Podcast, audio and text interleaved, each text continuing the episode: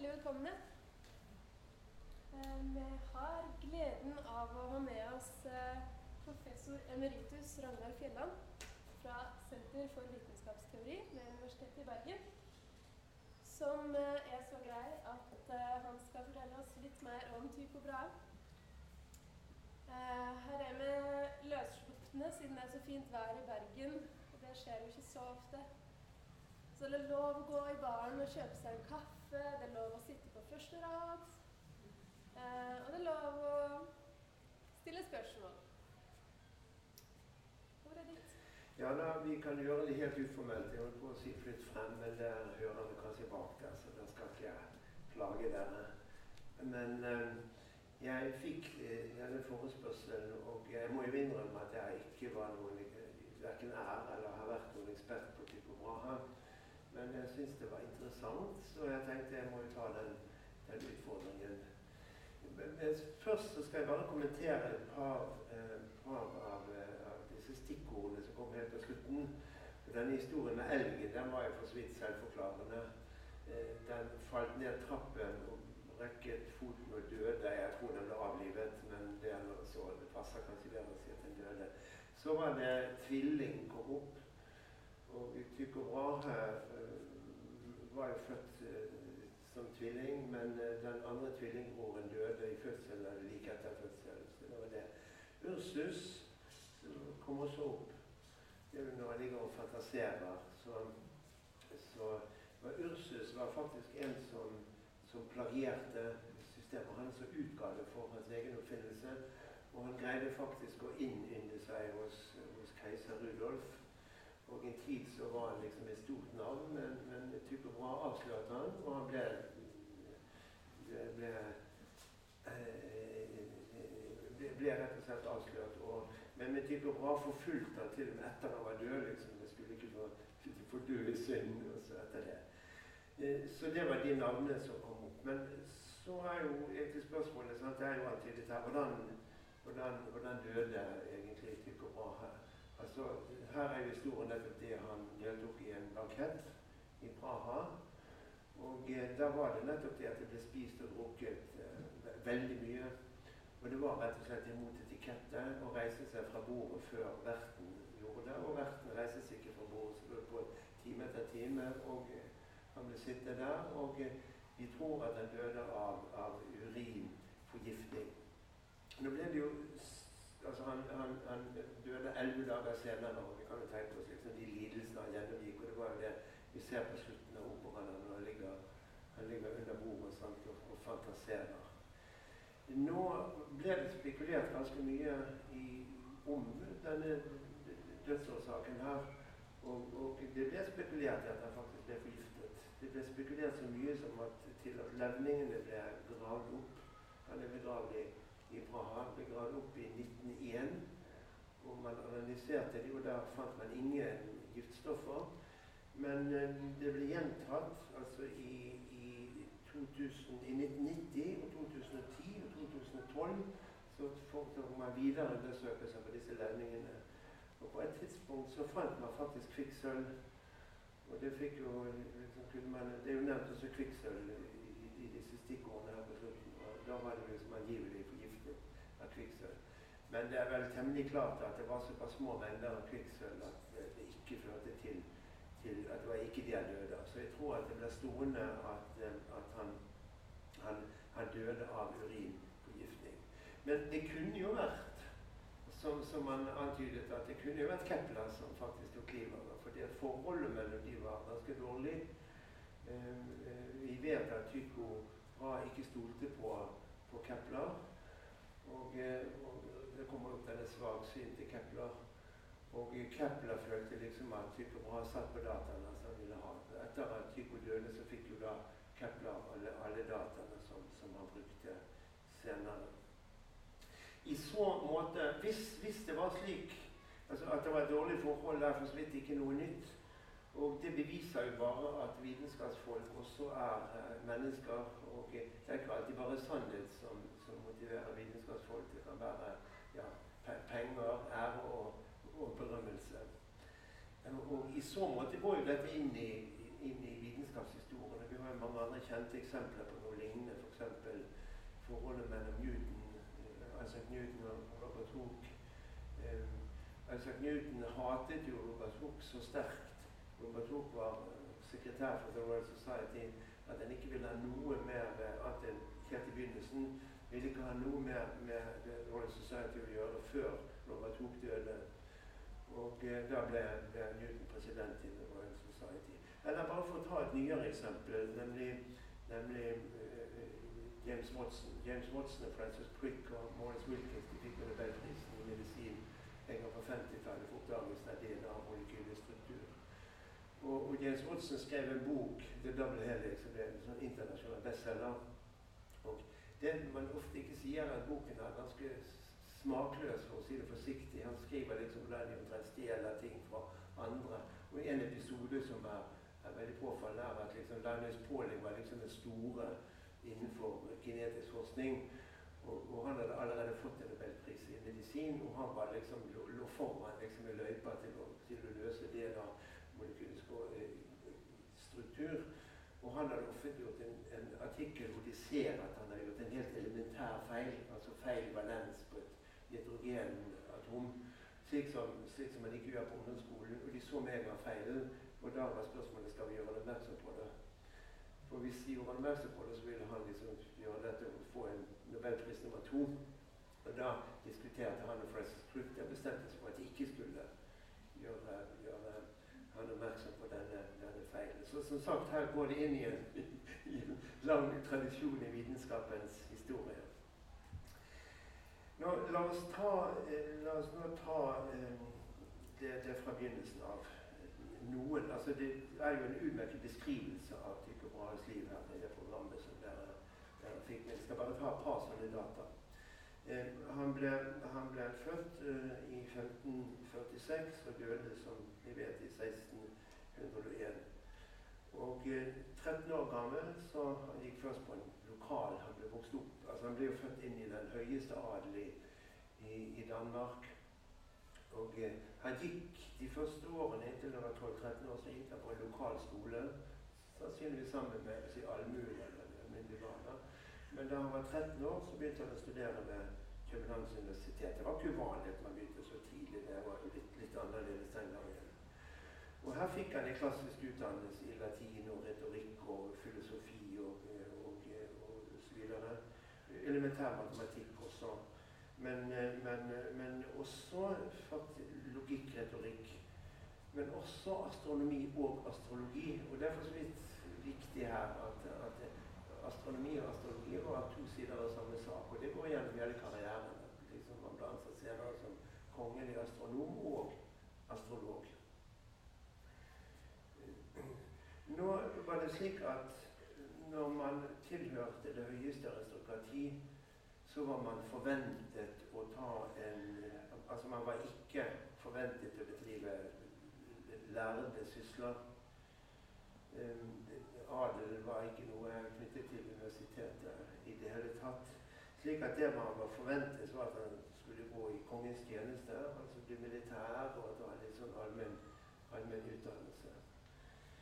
Så på dette punktet så brøt jo da eh, Tycho veldig kraftig med tradisjonen, nemlig at han fikk overtalt faren slik at han skulle reise til Tyskland.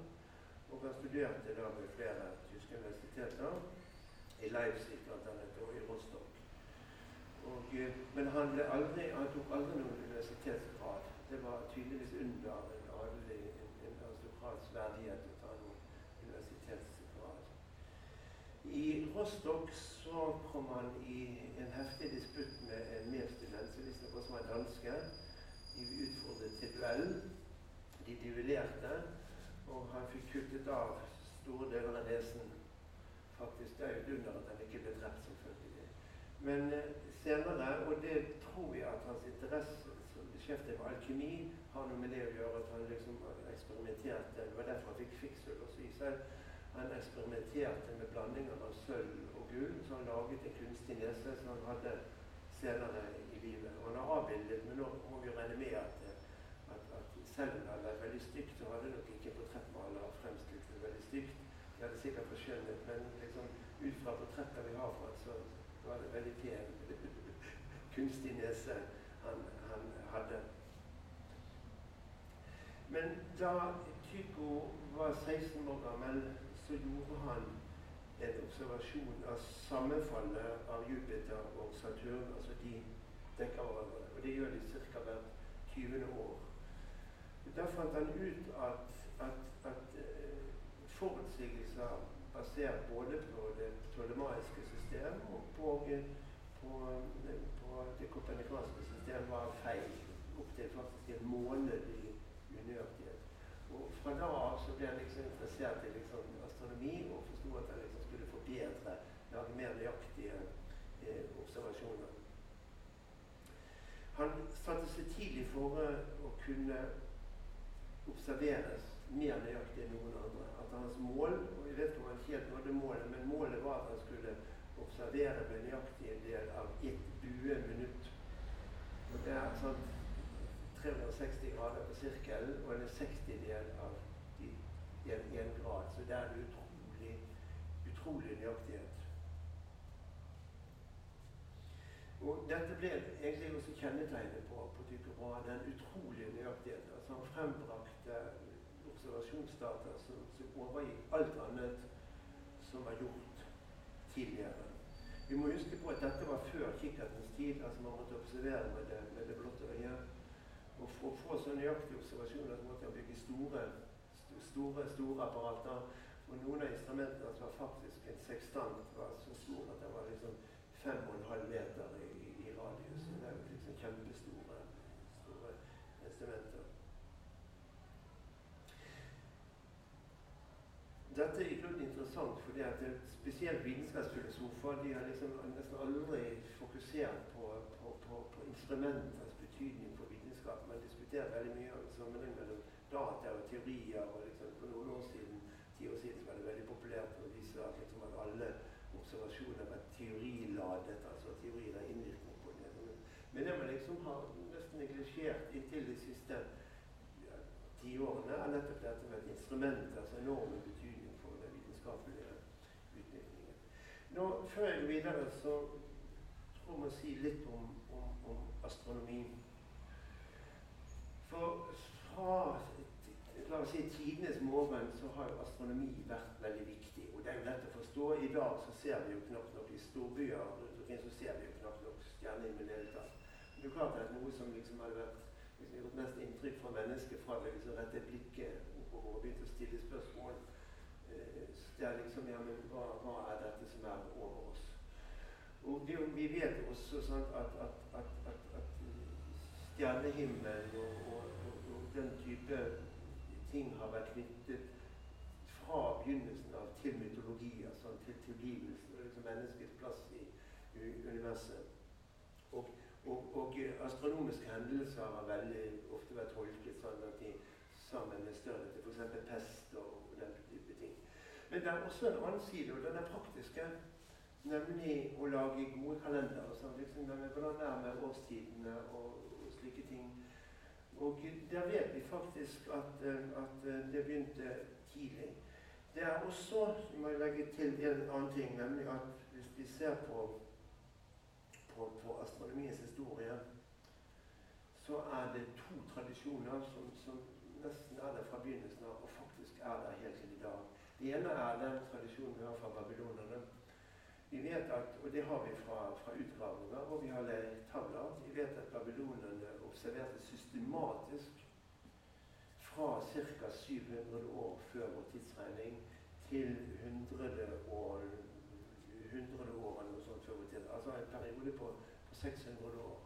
Og de gjorde veldig nøyaktige observasjoner. Og de førte de ned i tabeller, og de utviklet metoder til å finne mønster i disse på å si noe sånt, I dag vil vi snakke om forerende lys og den type ting, men liksom noe til dels avanserte teknikker. Og de var så nøyaktige at kunne, i dag kan vi bruke disse dataene til å bestemme eh, begivenheter med én dags nøyaktighet. Men så har vi en annen tradisjon som går tilbake til grekerne. De var ikke noe særlig gode å, å, å, å forutsi, men de laget modeller liksom, Hvordan kan vi forklare? Babylonerne var ikke interessert i det. De laget tabeller, og så laget de så de på mønsteret til tabellene, og så brukte de det til å forutsi. Mens grekerne spurte men hvordan fungerer det hele?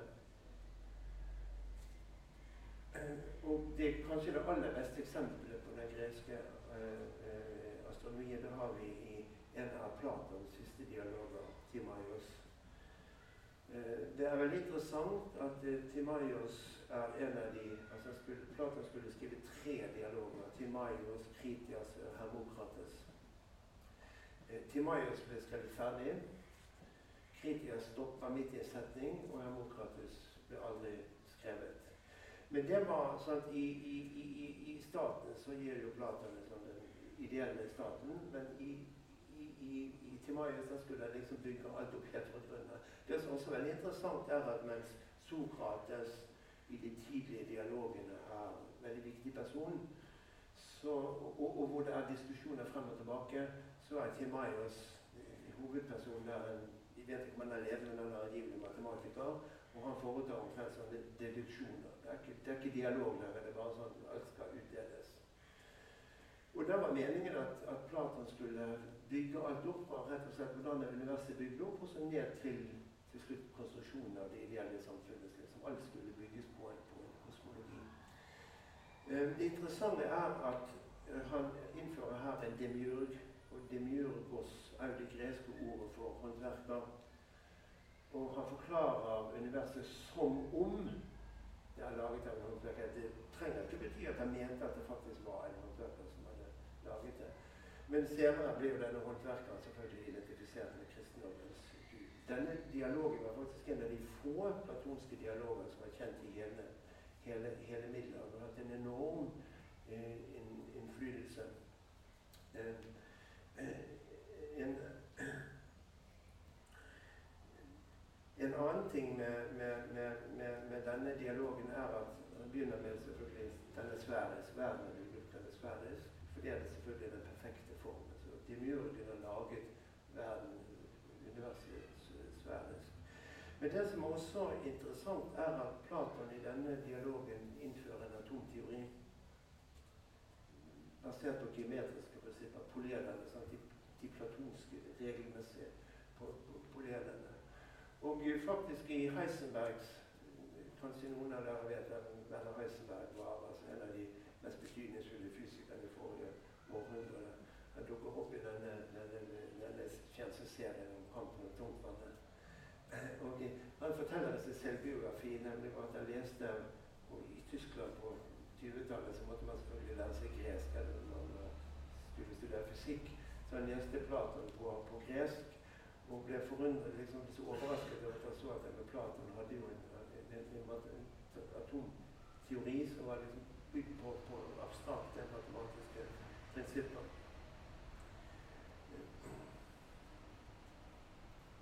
Nå et par ting til. Altså, dette var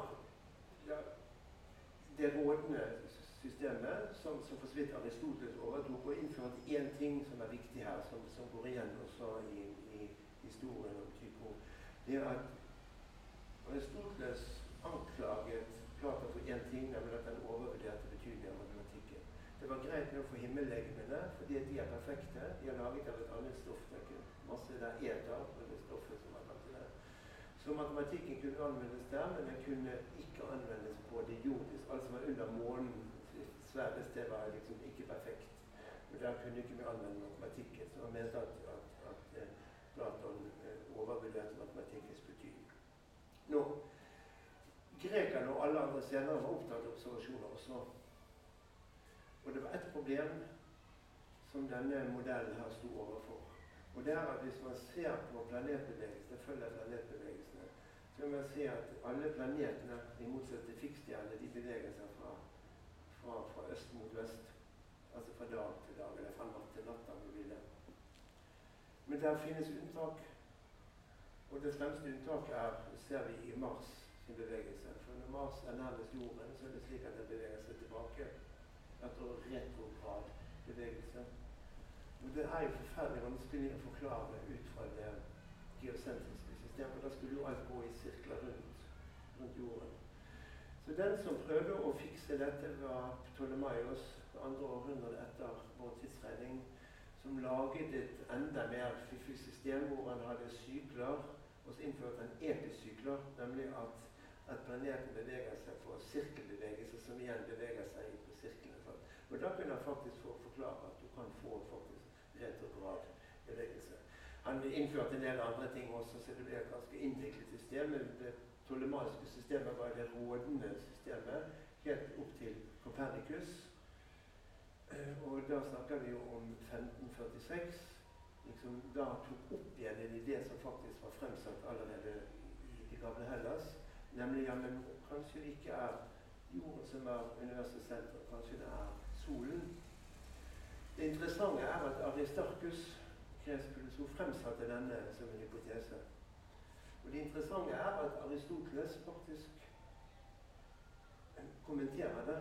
Og det man skulle tro, var jo at, at liksom, alle ville sagt at dette er bare tøv, og alle vet at jorden har sett, og alle kan jo se det. Men det interessante er at Aristoteles faktisk tok det alvorlig. I virksomhet om himmelen, hva er det på latin, så tar han opp dette og fremsetter det som en hypotese. Han sier ja, men sett Aristarkus er rett, hva følger av det? Jo, han gjør til med eksperimenter. Sier det hvis denne hypotesen er riktig, så betyr det jo at jorden beveger seg. Vi er jo ikke i ro. Jorden beveger seg. Det betyr at hvis vi kaster en ting opp i luften, så vil jorden bevege seg mellomtiden, så vil den falle ned et annet sted. Slik at han rett og slett de som har tatt eksamen filosofene, de vet jo kanskje om hypotetisk deduktiv metode og falsifikasjon og sånne ting. Så han falsifiserte faktisk Aristarkus' eh, eh, hypotese. Dette ble stående, Denne falsifikasjonen ble stående nesten 2000 år. Og, og Galilei bruker nesten hele sin dialog om toverdenssystemene for å vise at det egentlig ikke er en falsifikasjon likevel. Om å innføre prinsipper som treghetsprinsipp og, og relativitetsprinsippet for å vise at ja, det er observerbart. Dette er forenlig med, med, med at, at det faller rett ned likevel. Nå, tilbake til, til Tycho.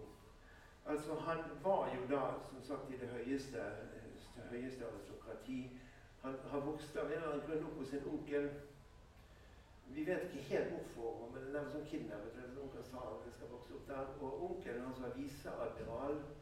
Eh, Jørgen Brahe var viseadmiral og var, var sjef for den, den, danske flåten. Og han og kongen Fredrik de hadde drukket eh, noen store mengder en kveld. Og om begge to falt på sjøen, det er litt uklart, men kongen falt på sjøen. Han hoppet ut og reddet han, men druknet selv.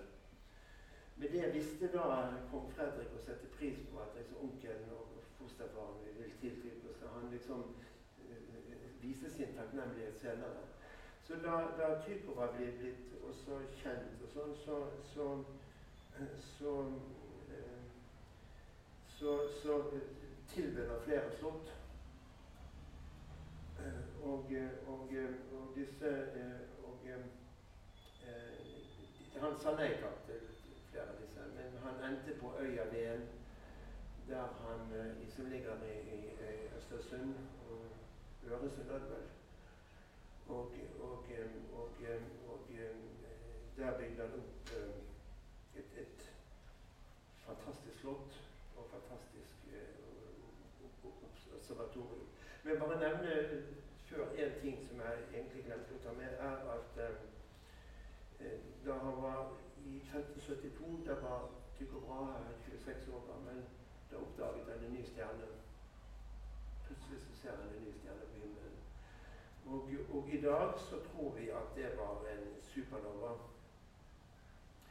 Eh, men, men eh, han, eh, han, publiserte dette, Du Stella Nova, og det var et, et, et, veldig viktig valg. For jeg har en kollega som sier noe sånt som at 'gentlemen don't publish'. Eh, men det var definitivt for, for, for, de adelige at det å lese bøker var for så vidt akseptabelt, men å skrive bøker var helt utelukket. En adelig person skrev ikke bøker. Så da han, da han, publiserte dette, så gjorde han et definitivt valg. altså Nå skulle han være lærer la liksom det, det sosietetslivet egentlig mer eller mindre, mer eller mindre bak seg.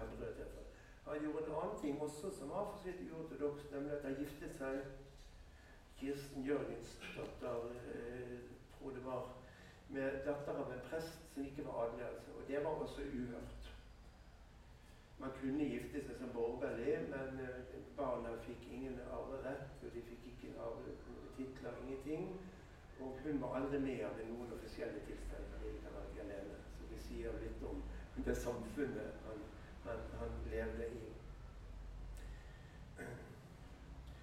Nå, denne, denne, denne, oppdagelsen jeg gjorde, var i grunnen eksepsjonell. For da kommer vi tilbake til dette møtet med Aristoteles. at Ifølge Aristoteles er det slik at under den sublunære jord, den er imperfekt, og der kan det skje. Der er det forandring. Men på den over så skjer det ikke forandringer. Så plutselig dukker det opp en ny stjerne. Det var helt imot liksom, grunn, fundamentale antakelser. Så det var veldig viktig, og Tycho ble veldig berømt pga. denne boken. Og etter det kunne han velge hvor han ville. Så det var for å beholde han i Danmark at, at kong Fredrik da tilbød han alle disse slottene, og til slutt denne øya, øya Ven, hvor han da bygde opp, opp sitt, sitt observatorium og, og et, et fantastisk slott også.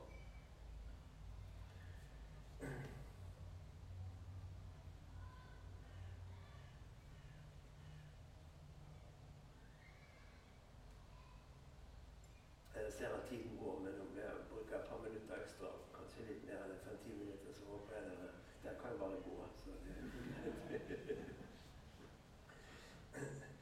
Nå, denne, denne, dette bygde på Øya Ved, det ble et sentrum. Altså det ble ikke bare et sentrum i Danmark, men, men et lærdomssenter for hele Europa. Slik at folk, både kongelige og andre, kom dit.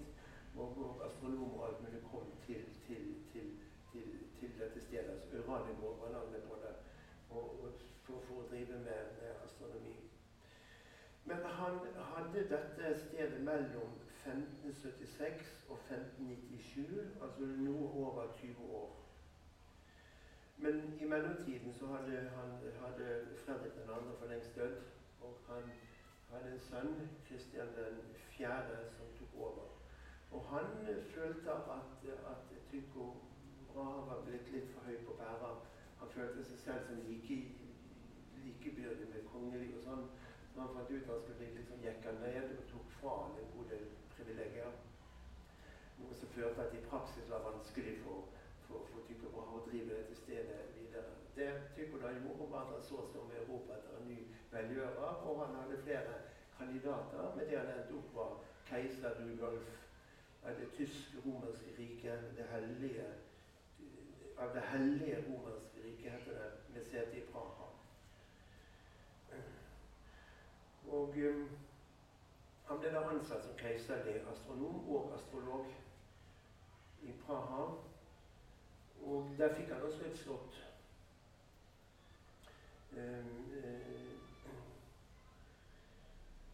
men, men, kongen, eller keiseren, ønsket at han skulle være astrolog. Han syntes ikke så veldig mye om det. Det var ikke det at han ikke trodde at stjernehimmelen hadde noe innvirkning, men ikke så detaljert. og sånn, så det var ikke den beste. Men, men, han ville helst være på slottet sitt, men keiseren fikk han, og brukte han også som rådgiver. Han var så fornøyd med rådene hans at han ville liksom ikke slippe tilbake igjen. Så Tycho var jo et dilemma. Så han på den ene siden var så flink, men hvis han hadde gjort en dårlig jobb, så hadde han falt i unåde. Hvis han gjorde en god jobb, så slapp han jo ikke hjem igjen, så han ble stort sett i Praha. Men det blir jo veldig kort tid, sånn, for i 1601 så så døde jo. Det har vi jo, har vi jo sett tidligere her i, i, i dag. Um, det interessante er at Tycho faktisk hadde laget eh, fått det ærefulle oppdraget å lage horoskopet til kong eh, til, til Kristian 4., altså, så da ble Tycho Brahes nemesis. Det er jo liksom skjebnens, skjebnens ironi. Nå, uh, La oss nå bare sette dette litt inn i, i, i et større system. Altså, Tycho var mer enn empiriker, enn teoretiker. Um, men han hadde også et astronomisk system. Og, og, det interessante er at det ligner faktisk på, på, på det kopernikanske systemet. Men han har med det kopernikanske systemet sant? Det hadde jo solen i sentrum. Det Tycho gjorde, han satte jorden i sentrum, med månen som sirkulerer rundt jorden, og solen rundt jorden, mens alle andre planeter sirkulerer rundt solen. Det er veldig rart, men det er faktisk matematisk sett er det helt ekvivalent med det kopernikanske systemet. For du kan bare holde solen i ro, så får du det kopernikanske systemet. Så det er bare spørsmålet hvilket punkt man holder i ro. Ellers er det det er klart Fysikalsk sett så er det jo ikke ekvivalent. Men nå mente jo typer som, som Aristoteles at, at, at, solen var laget av et ikke vanlig materie, sant, eter. Men det er klart at hvis man tror at solen er laget av samme materie, så er det klart at liksom, hele den skulle rotere rundt jorden. Det blir jo liksom absurd. Nå, eh, faktisk så var det disse to systemene som, som, som eksisterte på den det ptolemaiske og det, det kopernikanske, og da kom Kyko med sitt alternativ. Han godtok aldri det kompanikanske systemet. Og han hadde to argumenter. Det ene var Bibelen. Så I Bibelen står det veldig klart at liksom jorden er i rom. Men det andre var et fenomen som vi er kjent som parallakse. For Poenget er selvfølgelig det at hvis jorden går rundt solen, sant, så kan vi observere fiksstjernene. Men hvis vi f.eks. går i en skog, så vil vi jo se at hvis vi flytter oss i skogen, så vil jo de, de enkelte trærne flytte seg i forhold til hverandre. Og Han mente at vi skulle ha noe tilsvarende i stjernehimmelen. Vi skulle observere parallakse. Sånn at når vi er et annet sted i banen, så skulle stjernene forholde seg litt til hverandre. Han observerte ingen paradokser. For så vidt også falsifikasjon. Så han skal si, ja, men Hvis det kopernikanske systemet er riktig, så skal vi observere parallakse. Vi observerer ikke paradokser, ergo kan det ikke være, skal, skal være, være Det Tycho da egentlig undervurderte, var avstanden. Man kan faktisk observere paradokser i dag. Men med de instrumenter, selv den utrolige nøyaktigheten som Tycho hadde, så hadde han ingen muligheter for å observere eh, parallakse. Før eh, Tycho døde, så var han klar over at den eneste som kunne videreføre hans arbeid, var Kepler. Og eh, Kepler ble hans etterfølger som keiserlig astronom og astrolog. Tycho håpet også at Kepler skulle videreføre hans astronomiske system. Men Kepler var jo faktisk den første som offentlig forfektet det, det, kopernikanske systemet, faktisk før, før, før, før Galilei. Så, men han levde jo ikke. Han var jo død, så han fikk jo ikke vite det. Det ville vært en skuffelse for ham. Nå, eh, hvordan skal vi plassere Tycho Brahe i vitenskapshistorien? Altså, Han var jo en generasjon før den vitenskapelige revolusjonen som vi gjerne forbinder med Galilei og for så vidt også Kepler, som var samtidige. Um, han blir ble stående innenfor det geosentriske systemet, så i så måte kan vi si at man tilhørte liksom for, forhistorien. Men på ett punkt så er det helt klart at han må plasseres liksom etter, eller inn i den vitenskapelige revolusjonen. Og det er den betydningen han hadde når han så på nøyaktigheten av måling og utvikling av vitenskapelige instrumenter. Dette med målinger det kommer jo senere til uttrykk med det som kanskje er liksom det viktigste, som ofte kalles for Galileis maksime. Mål det som er målbart, og prøv å gjøre målbart det som ennå ikke er, er målbart. Nå, eh, Hvis vi tar Tycho Brahe og Johannes Kepler, så viser de grunn to viktige sider ved moderne naturvitenskap. Nemlig på den ene side instrumenter og målinger, og vi kunne legge til eksperimenter også. På den ene side og på den andre side bruk av matematikk og teorier, til dels spekulative. Altså, Kepler er jo en utrolig interessant person, for han var jo direkte platonist. Han prøvde jo å bygge opp et, et astronomisk system opprinnelig som, som, var bygd over til Mai og de regulære polerene til, til Platon. Men det interessante er jo at Kepler samtidig også lot seg korrigere av det som var jo så nøyaktig liksom, observasjoner som stemmer på det på den dueminutt. Og det var jo forutsetninger for hans, hans eget, eget, system. Men disse to tingene, disse to sidene, på den ene side måling, observasjon og eksperimenter, de har spilt en viktig rolle. Og et eksempel, det skal være det siste eksempelet før, før jeg slutter av, er en historie som fant sted, eller en kontrovers som et sted et par generasjoner etter, eh, etter Typos død. nemlig en diskusjon som fant sted i regi av The Royal Society rundt 1660. Og det var blant to berømte uh, engelske vitenskapsfolk og, og, filosofer, nemlig på den ene side Robert Boyle og på den andre side Thomas Hobbes. Robert Boyle var grunnleggeren av The Royal Society og samtidig grunnlegger av eksperimentell filosofi. Og Det var rett og slett programmet til The Royal Society var å fremme eksperimentell filosofi. Og Det programmet besto i at all naturfilosofi skulle transformeres til eksperimentell filosofi. Altså, Vi hadde mange ting som de diskuterte altså All naturvitenskap var jo da all naturfilosofi. Eh, et, et, et, sentralt spørsmål for eksempel, som ble diskutert siden Aristoteles tid, var finnes det vakuum. Aristoteles hadde argumentert for at det ikke kan finnes vakuum. Men da var tilnærmingen til Robert Boyle og det var sånn at ja, nei, finnes det vakuum, eller finnes det ikke? Kom opp med et eksperiment, som kan avgjøre det. Og, og, Robert Boyle han konstruerte jo selv en, en, en, en luftpumpe, som var den tidens høyteknologi, for å vise at vi kan fremstille vakuum.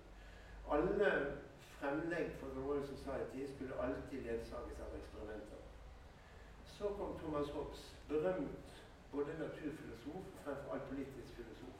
Skrev jo det store verket 'Leviatan' senere. Sier at nei, dette her var ikke, dette var ikke pålitelig kunnskap. Tvert imot. Eksperimenter var jo egentlig private.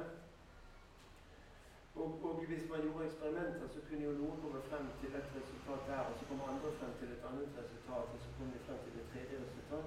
Og så ble det stridigheter, og så ble det kamp, og til slutt så ble det borgerkrig. Og det er interessant å vite at dette ble jo da skrevet, Denne kontroversen fant sted like etter den engelske borgerkrigen, hvor den engelske kongen var det Karl et eller annet, den første, den første ble henrettet, og Oliver Cromwell kom til makten. Slik at fare for borgerkrig, og det var jo også etter noen tid etter 30-årskrigen som hadde desimert en tredjedel av, av, av, Europas befolkning, slik at det å unngå borgerkrig var, var det viktigste. Så Thomas Hobbes poeng var nei, det finnes bare én sikker kilde til kunnskap, og det er matematikk. Matematikken er det eneste som er sikkert og universelt. Og hele Leviatan er jo bygd opp da på liksom idealet om matematikken som det, det grunnleggende idealet. Det er en annen ting som selvfølgelig går i, i, i Leviatan, er selvfølgelig at skal vi unngå oppløsning. Man lever jo i en tid som ligner litt på den tiden vi, vi har i dag. Eh, når stater gikk i oppløsning med borgerkrig osv. Og det var selvfølgelig at ja, men da må alle underkaste seg én vilje. sånn det er For alles kamp mot alle, og det var Leviatan. Så vi var en enevoldshersker. I dag ville det kanskje vært bedre om det var, det var FN men i hvert fall, dette viser altså, Poenget var selvfølgelig da at dette var egentlig kunstig motsetning. For eksperimentet på den ene siden hvor parti fungerer veldig bra, og det viser i grunnen kombinasjonen av Tycho Brahe og, og Kepler, nemlig at moderne naturvitenskap liksom bruker begge deler. Da sier jeg bare takk for at dere hørte på. Ja, jeg gikk ti minutter over.